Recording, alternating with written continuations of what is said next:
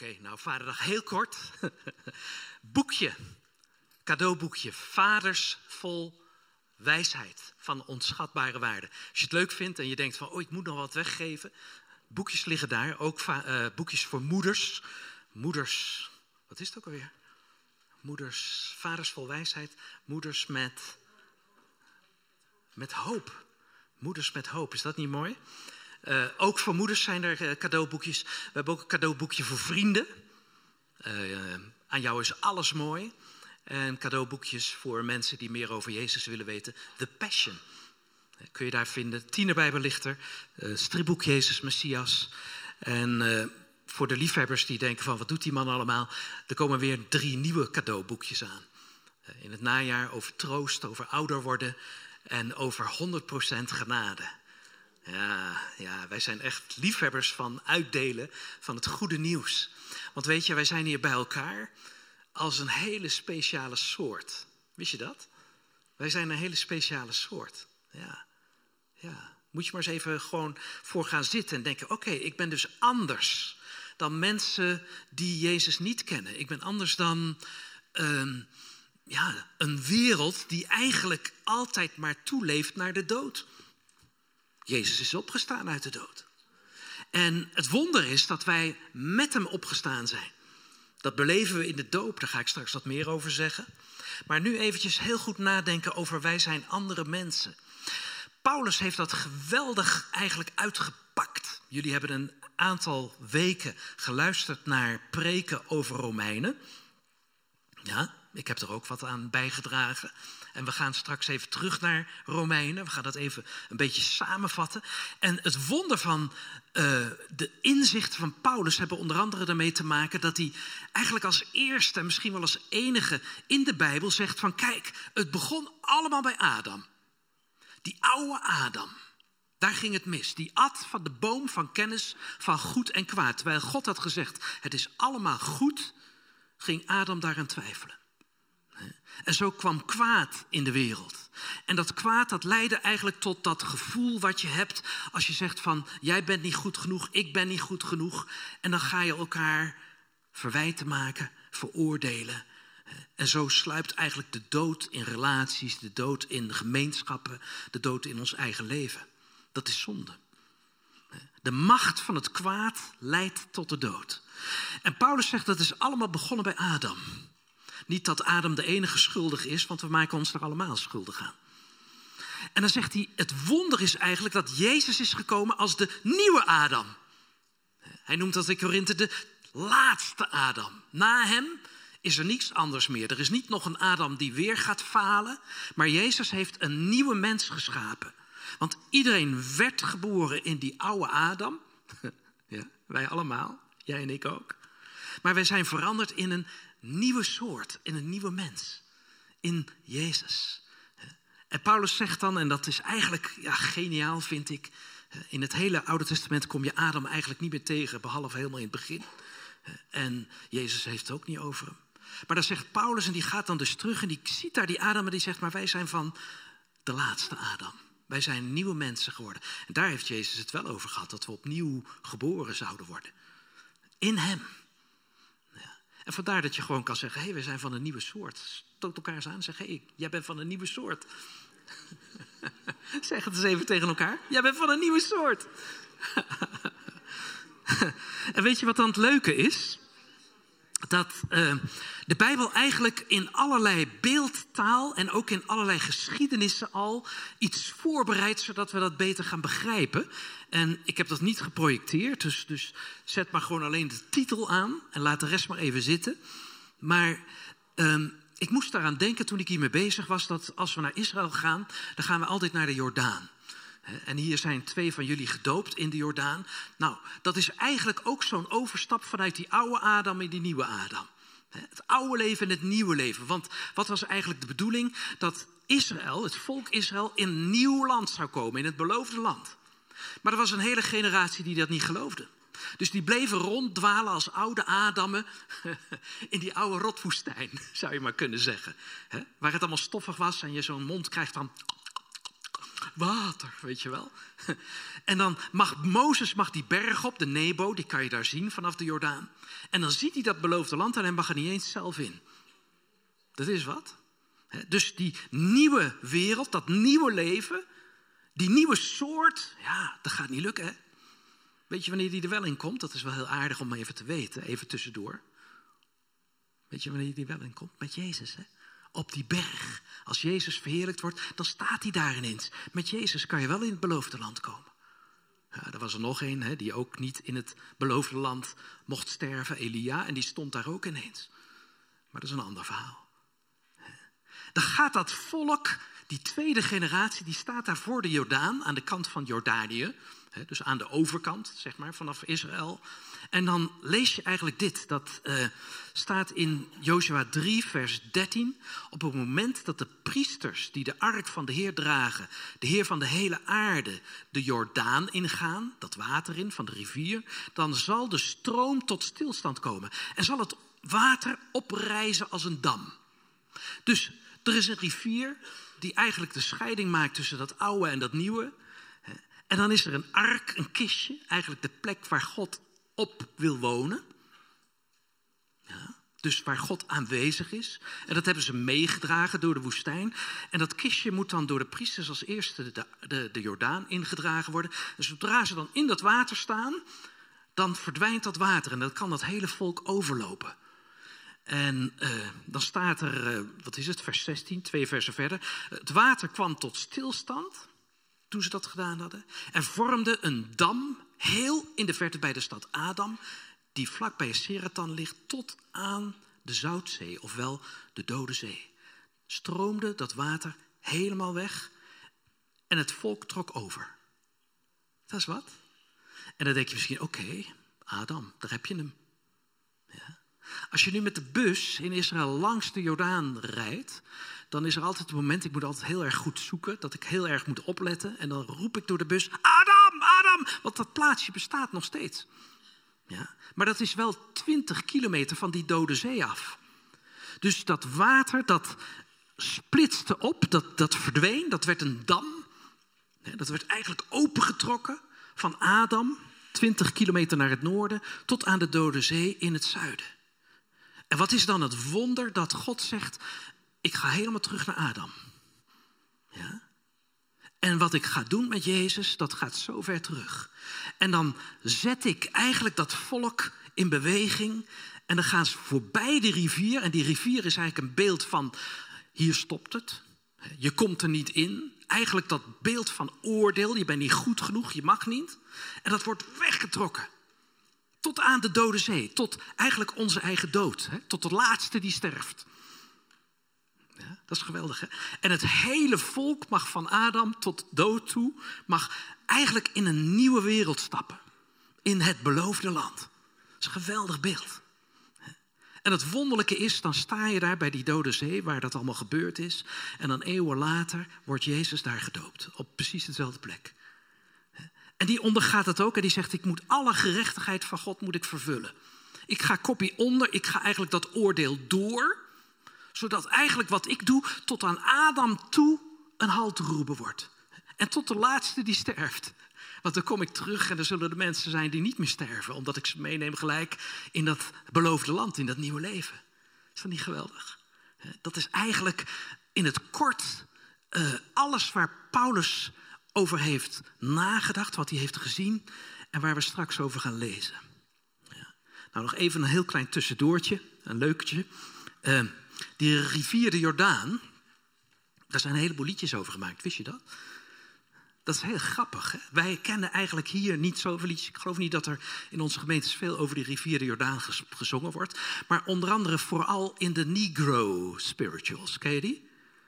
Als je naar 12 Years a Slave kijkt, is er een heel lied en dat wordt allemaal uitgezongen over we gaan de rivier de Jordaan over.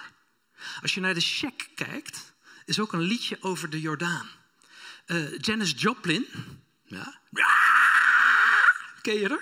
Ja, die zong over de Jordaan. Mahalia Jackson, Janis Joplin was een hippie, hè, maar Mahalia Jackson, de, de, de founding singer uh, van alle uh, Beyoncé's en, en Aretha Franklin's en Whitney Houston's. Hè? De, de grondlegger van die vrouwelijke stem. Ja, wauw. Die zong over de River Jordan. The River Jordan is deep and wide. I'm going to the other side. Weet je wel? Daar zong ze over. Geweldig is dat. En, en ook heel veel volkszingers zongen daarover. Uh, Johnny Cash, uh, Pete Seeger, weet ik wie allemaal. Woody Guthrie. Zongen allemaal over die rivier de Jordaan. Want het was het beeld van er is een nieuw leven. En heel vaak plaatsen ze dat dan voorbij de dood. En dat is ook zo. Dan gaat het over de hemel. Uh, oh brother, where art thou? Ken je dat, die film? Dan, dan, dan daalt zo'n hele groep mensen in het wit gekleed, daalt drie, vier in. Sorry. Ik zie het plaatje voor me. En dat ontroert me. En dan wordt er gezongen door, uh, hoe heet ze? Alison Krauss. En later wordt het een heel koor. En die zingen dan van, uh, uh, I'm going down to the river to pray, studying that good old way.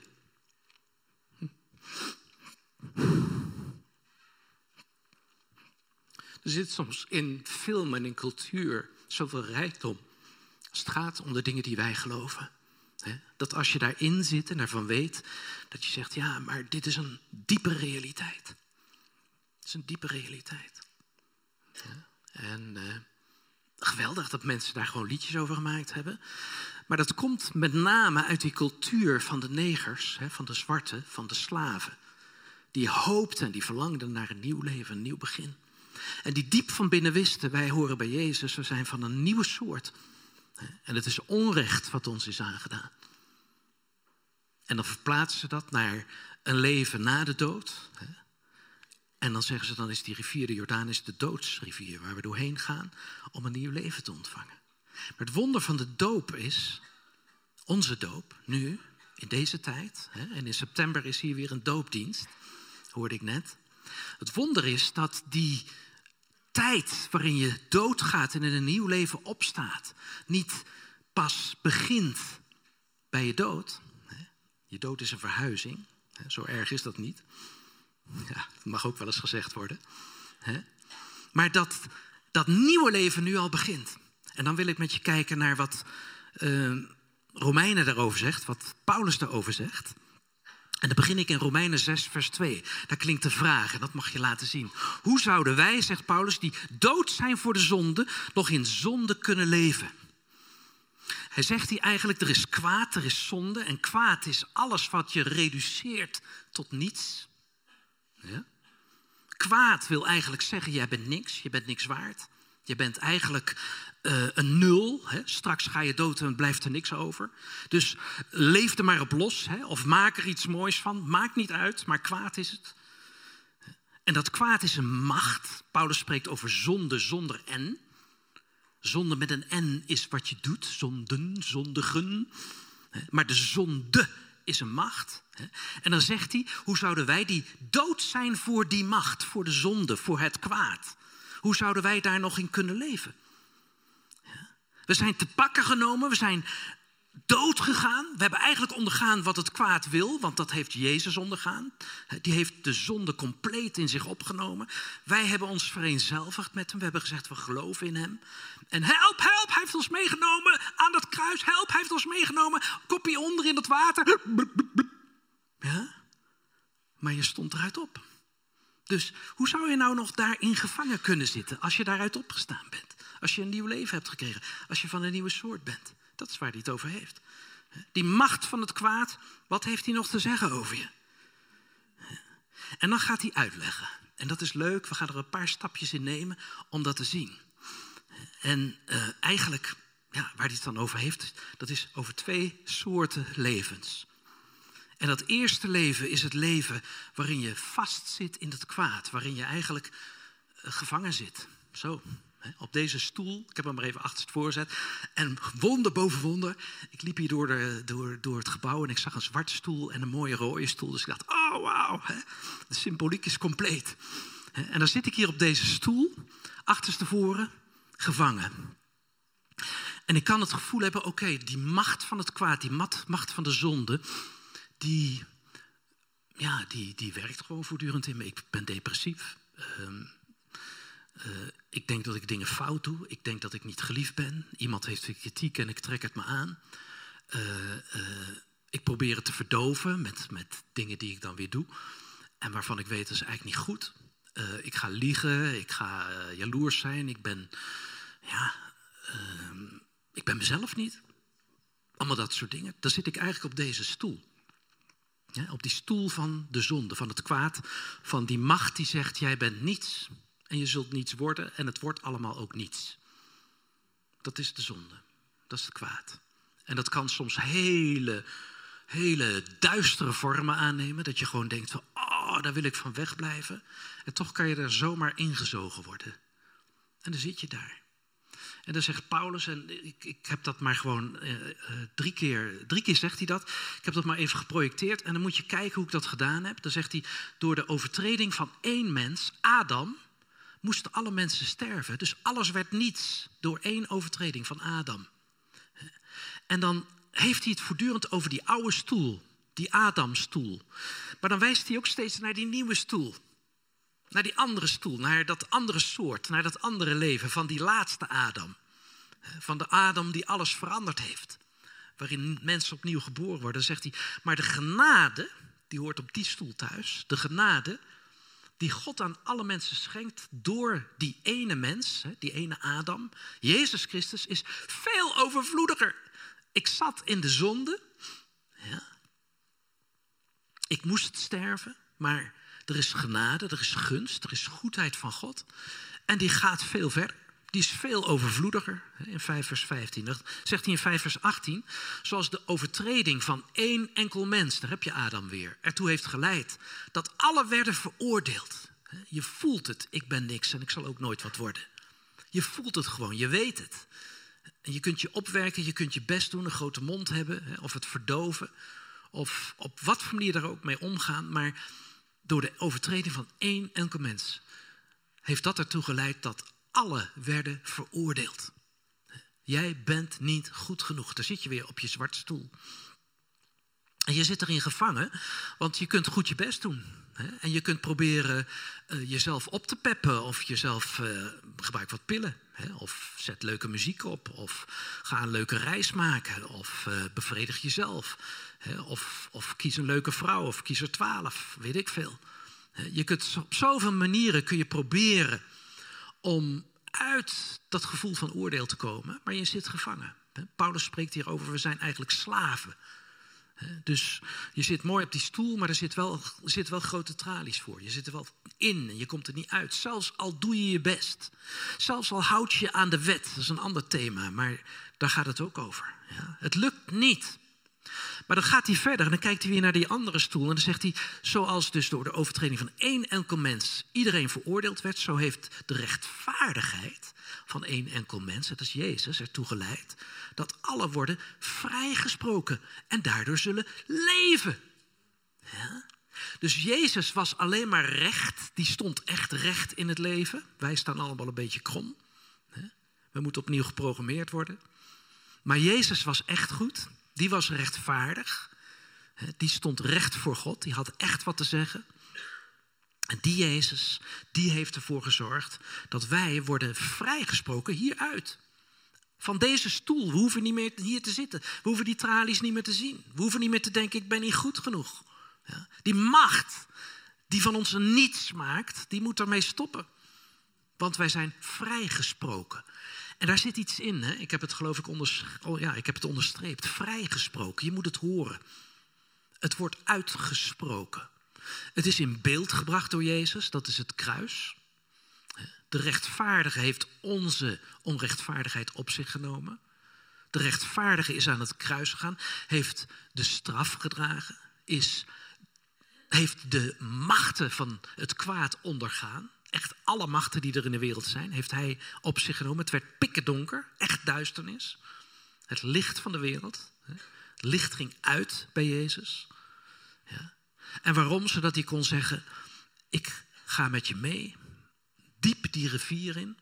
En dan staan we er samen uit op. Dat is wat hij gedaan heeft. Hè? En ja, je kunt het dus in beeld brengen, en ik doe dat graag. Dat is het boek van Jezus. Hè? Eh, Jezus, hoe die gekruisigd is, hoe die opgestaan is uit de dood, hoe die gedoopt werd, staat er allemaal in. Maar uiteindelijk gaat het erom dat je het hoort, want als je het hoort, dat is vanochtend ook weer zo, dan gebeurt er wat. En dat gaan we straks zien.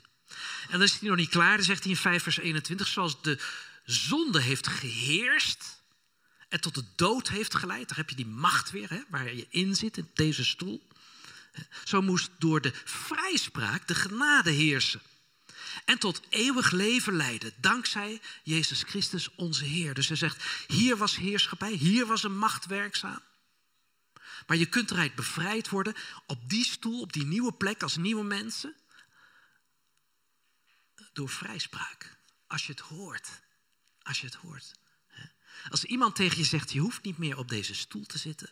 In deze ellende, vast in je oude patronen, vast in het idee, het wordt nooit wat met me. Vast in je angst voor de dood. Vast in, ja, wat kan het allemaal niet zijn? Hè? In rare gewoontes ook die je doet. Het zondigen, vanwege die macht van de zonde. Het is klaar, het hoeft niet meer. Je kunt vrij gesproken worden. Er is vrij spraak. Je bent vrij. Laat eens even zien. Volgende plaatje. Ja. Er zit een vogeltje in een kooitje. En tegen het vogeltje wordt gezegd, laat eens zien. Ik zet de deur open, vrij, je bent vrij. Ja. Ik weet niet of jullie wel eens vogeltjes thuis gehad hebben. Ik wel, jarenlang, als kind al. En dan zet je je deurtje open, maar dan kwam hij er niet uit, het stomme beest. en dan wil je hem tam maken. Maar wat een geduld moest je hebben, zeg. Jongen, jongen, jongen. Voordat hij eens een keer naar beneden klom langs die tralietjes. En zijn kop erdoor stak en zei... Vliegen. nou, het lijkt wel ons. Ja, vrijspraak. Hier zitten we weer tegen elkaar te praten. Van wat heeft Jezus nou gedaan? Elke zondag weer, moet je het horen. Ja, wij zijn net die vogeltjes. Hè? Dus de volgende, hè, dan denkt hij, vrij? Heb ik wat gehoord? En een heleboel mensen zitten zo jarenlang in de kerk, dan horen ze iets. Maar wat moet je daar nou mee doen, joh? Wat is er nou aan de gang? Hè? En dan hoor je het nog een keer, vrij? Het is gewoon hetzelfde plaatje als net. Alleen een stukje verder. En dan uiteindelijk komt er een moment, hè, hè, zie je hem? Dan vliegt hij uit die kooi, dan is hij vrij. En ik heb hem maar onder gezet, want dat schrijft Paulus ook. Geloven komt door het. Wat? Door het? Horen. Ja, ja, ja, ja, ja. Vrijspraak moet je horen. En dan gaat er wat gebeuren. En dan gaat Paulus mee verder. Dat is dus die samenvatting van de brief van Romeinen. En dat is ook eigenlijk de betekenis van de doop. Als je het gaat horen, dan gaat er iets gebeuren. Ja. En dan sta je op van die stoel. En dan heb je eindelijk door, ik mag dus op deze stoel gaan zitten. Ja? En eigenlijk doe ik het niet helemaal goed. Misschien doe ik het zo nog een keer over, ik weet het niet. Het kan beter. Maar goed, ik zit nu op de plek waar ik moet zitten. En dat is het moment waarop je zegt: Ik ga het geloven. Ik bekeer me. Ik ga niet meer denken in die oude patronen van: Ik ben onder de macht van de zonde. Uh, het wordt niks met mij. Ik geloof dat Jezus mij leven geeft, want daar ging het steeds over. Eeuwig leven zelfs. Ik mag er zijn. Ik ben niet niets. Ik ben zelfs niet iets, maar ik ben een kind van God. Ja? Dat is deze stoel. Die zit trouwens iets lager dan die. dat is dan wel weer jammer. maar ik zal mijn nek wat hoger uitsteken. En dan begint hij te vertellen, hè? dan begint hij te schrijven. Romeinen 6, vers 6. Immers, zegt hij dan, wij weten dat ons oude bestaan met hem gekruisigd is. Dat is daar, op die oude stoel. Wij weten, dat weten we hier, dat daar op die oude stoel ons oude bestaan gekruisigd is. Het is klaar daarmee. Het is klaar daar, die stoel is voorbij. Ja, je hoeft daar niet meer te zitten. Oké? En dat moet je weten. Ik heb dat in hoofdletters geschreven. Wij weten. Want het is een trapje. Het, is een, eh, het gaat nog even door. Hè? Ten eerste moet je het weten. Ik heb het je gezegd. Ja? Er is vrijspraak. Je hoort het. Dat betekent dat je het weet. Oké? Ja? Zeg eens even, ik weet het. Ik weet het. Oké, de eerste hebben we gehad. Dan de volgende in 7 en 8. Dan zegt hij, wie gestorven is, is rechters vrij van de zonde wanneer wij met Christus gestorven zijn. Dat is daar gebeurd. Ja, wanneer wij gestorven zijn, wanneer we uit die stoel gevallen zijn, zou je kunnen zeggen, met Jezus, hè, die zei van oké, ik onderga dan die macht van de zonde. Ik ben met hem gestorven. De straf op de zonde, de macht van de zonde, de ellende heeft Jezus ondergaan. En ik heb dat met hem ondergaan, eens voor altijd. Ja. Dan zegt hij, als dat zo is, en dan heb je die tweede, dan geloven we dat we ook met hem zullen leven. Omdat we weten dat hij, die uit de dood is opgewekt, niet meer sterft. Ja. Dus we wisten het. Hè. En als je het weet, dan mag je het ook geloven. Ja, dat is nog even iets verder dan alleen maar weten. Je kunt het weten en denken, oké. Maar als je het gelooft, dan zeg je, oké, dan zit ik erin. Hè? Dan hou ik er rekening mee. Dan ga ik ervoor. Ik geloof het. Zeg dat eens, ik geloof het. Ik geloof het. Oké. Dus dat hebben jullie ook te pakken. Je hebt het gehoord, je weet het en je gelooft het. En dan gaat hij even verder, want dat moet ik er even bij zeggen. Dat is een stapje naar het volgende hoofdstuk. Hij heeft dus gezegd, we zijn dood voor de zonde. Ja, dat heeft hij gezegd, hè? Ja. Omdat we weten dat, ja, dat we gestorven zijn met Jezus. Hè? Ja, en dan hoeven we niet meer te sterven. Maar in vers 7 zegt hij, we zijn ook dood voor de wet. We waren aan de wet geketend, dat was daar. De wet zei je deugt niet, je moet dood. Op die oude stoel. We waren slaven van de zonde, zegt hij ergens anders. Maar nu zijn we bevrijd. Vrijspraak, weet je wel. We zijn dood voor de wet, zodat we niet meer de oude orde van de wet dienen. Die zegt, als je dat niet doet, dan deug je niet. En als je dat niet doet, dan ben je slecht. En als je dat niet doet, dan verlies je het eeuwige leven. En als je dat niet doet, dan word, dan word je alsnog afgewezen. Daar ben je dood voor. Die aanklachten die de wet veroorzaakt, de wet op zich was prachtig, als je daaraan houdt, nou dan had je een goed leven. Maar niemand kon zich daaraan houden en het was ook veel te veel en veel te zwaar. En het was eigenlijk om te laten zien, dat maakt Jezus duidelijk al in de, in de bergreden, van je kunt het niet, je hebt mij nodig. Wees heilig, want ik ben heilig. Ja, gaat niet lukken. Tenzij God zegt, je bent het al. Tenzij hij je heilig verklaart, dan ga je doen wat hij in je ziet. Nou, dat is eigenlijk wat hier staat. Hè? Maar we, nieuwe de, we, dienen de nieuwe orde van de geest. De geest in ons die zegt, je bent een kind van God. Je bent niet meer een slaaf van de zonde, je bent een nieuwe mens. Niet meer die oude Adam, maar die nieuwe Jezus. Je bent op deze stoel gaan zitten. En dan dus, we hebben gezegd, je hebt het gehoord. Je weet het, je gelooft het. En dan het derde punt, zo moet u uzelf zien. 6 vers 11. Dood voor de zonde, maar levend voor God in Christus Jezus. Ja? Dus wat zegt hij dan? Je hebt het gehoord. Je moet het weten. Je mag het geloven. En als je het gelooft, dan krijg je een ander zelfbeeld. Dan ga je anders naar jezelf kijken. Dan kijk je in de spiegel en dan zeg je niet meer, wat een rotkop. Hè? maar dan zeg je, wauw, ik ben een kind van God. Een geliefd kind van God. Dood voor de zonde. Die skull, die, die, die, dat doodshoofd, dat zit er niet meer in. Ik ben bekleed met Jezus. Ik straal zoals Jezus straalt. Geweldig, hè? Dood voor de zonde, levend voor God, in Christus Jezus. Omdat je op deze stoel zit, omdat, je, omdat er iets met je gebeurd is. Hè? En, en dan staat er, zo moet je jezelf ook zien. Hè? Dan moet je maar zeggen, zo zie ik mijzelf. Zeg dat eens. Zo zie ik mezelf. Hé, hey, kom op zeg. Zo zie ik mezelf. Zo zie ik jullie ook. ja? Zeg nog eens. Zo zie ik mezelf. Nog een keer. Zo zie ik mezelf. Hè? Dood voor de zonde, dood voor de wet, levend voor God. Zo zie ik mezelf. Is dat niet geweldig? Nou, de vraag was deze ochtend: hoe zouden we dan die dood zijn voor de zonde nog in zonde kunnen leven? Als je jezelf ziet als een nieuw mens, van een nieuwe soort, in Jezus.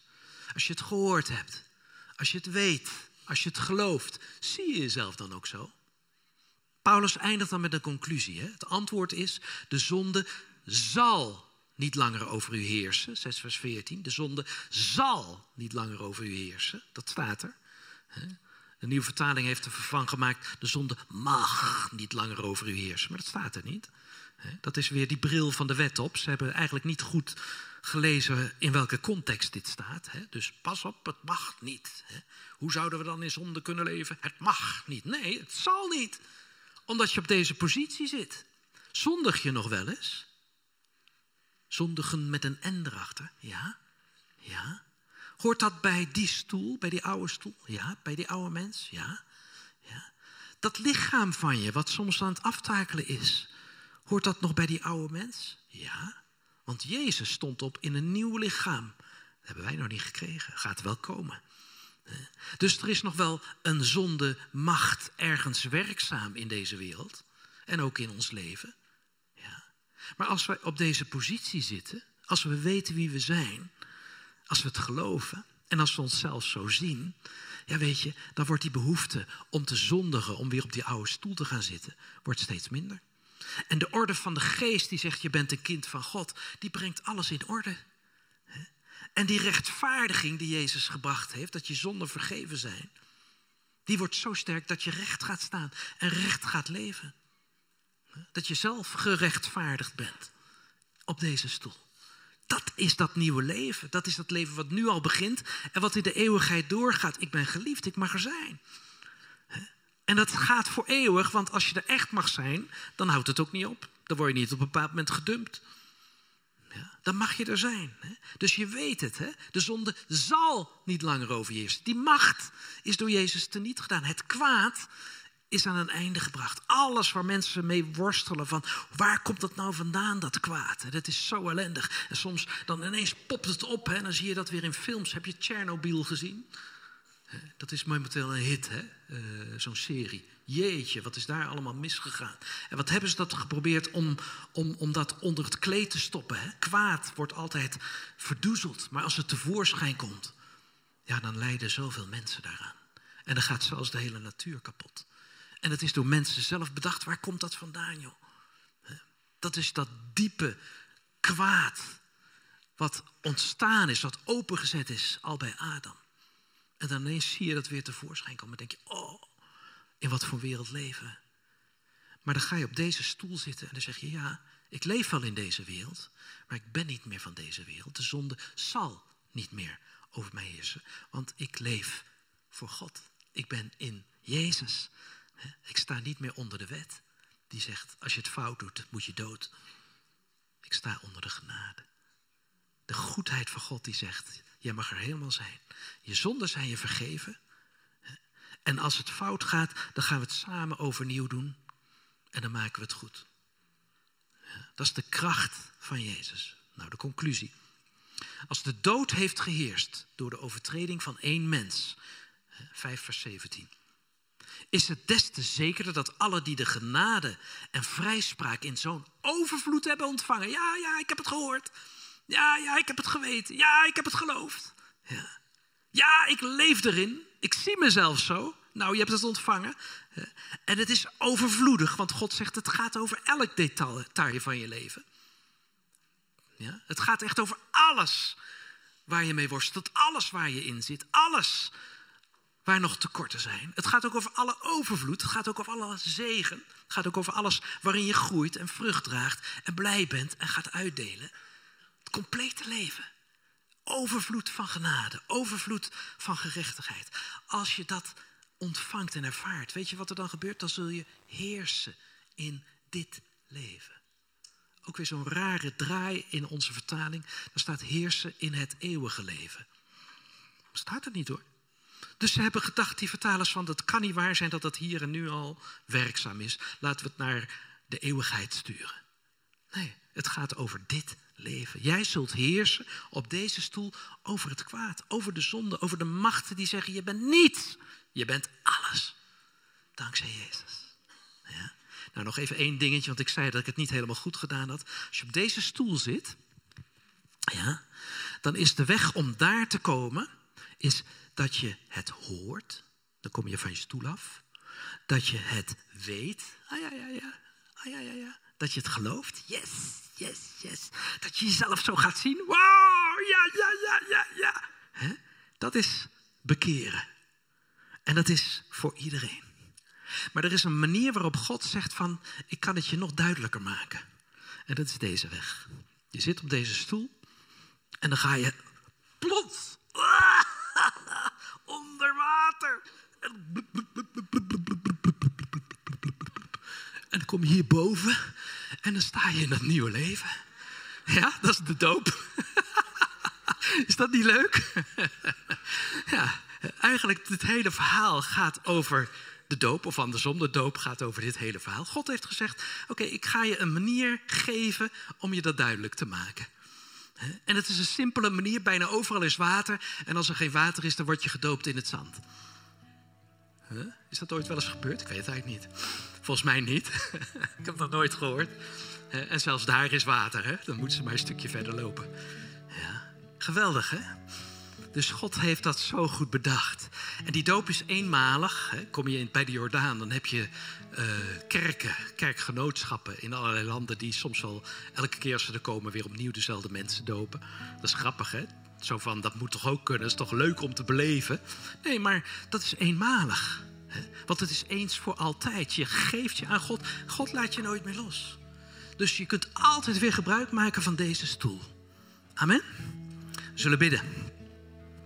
Dank u Heer voor dit heerlijke nieuws. Voor deze prachtige ja, beeldtaal die u zo in ons legt dat we in onze verbeelding kunnen zien dat we andere mensen geworden zijn.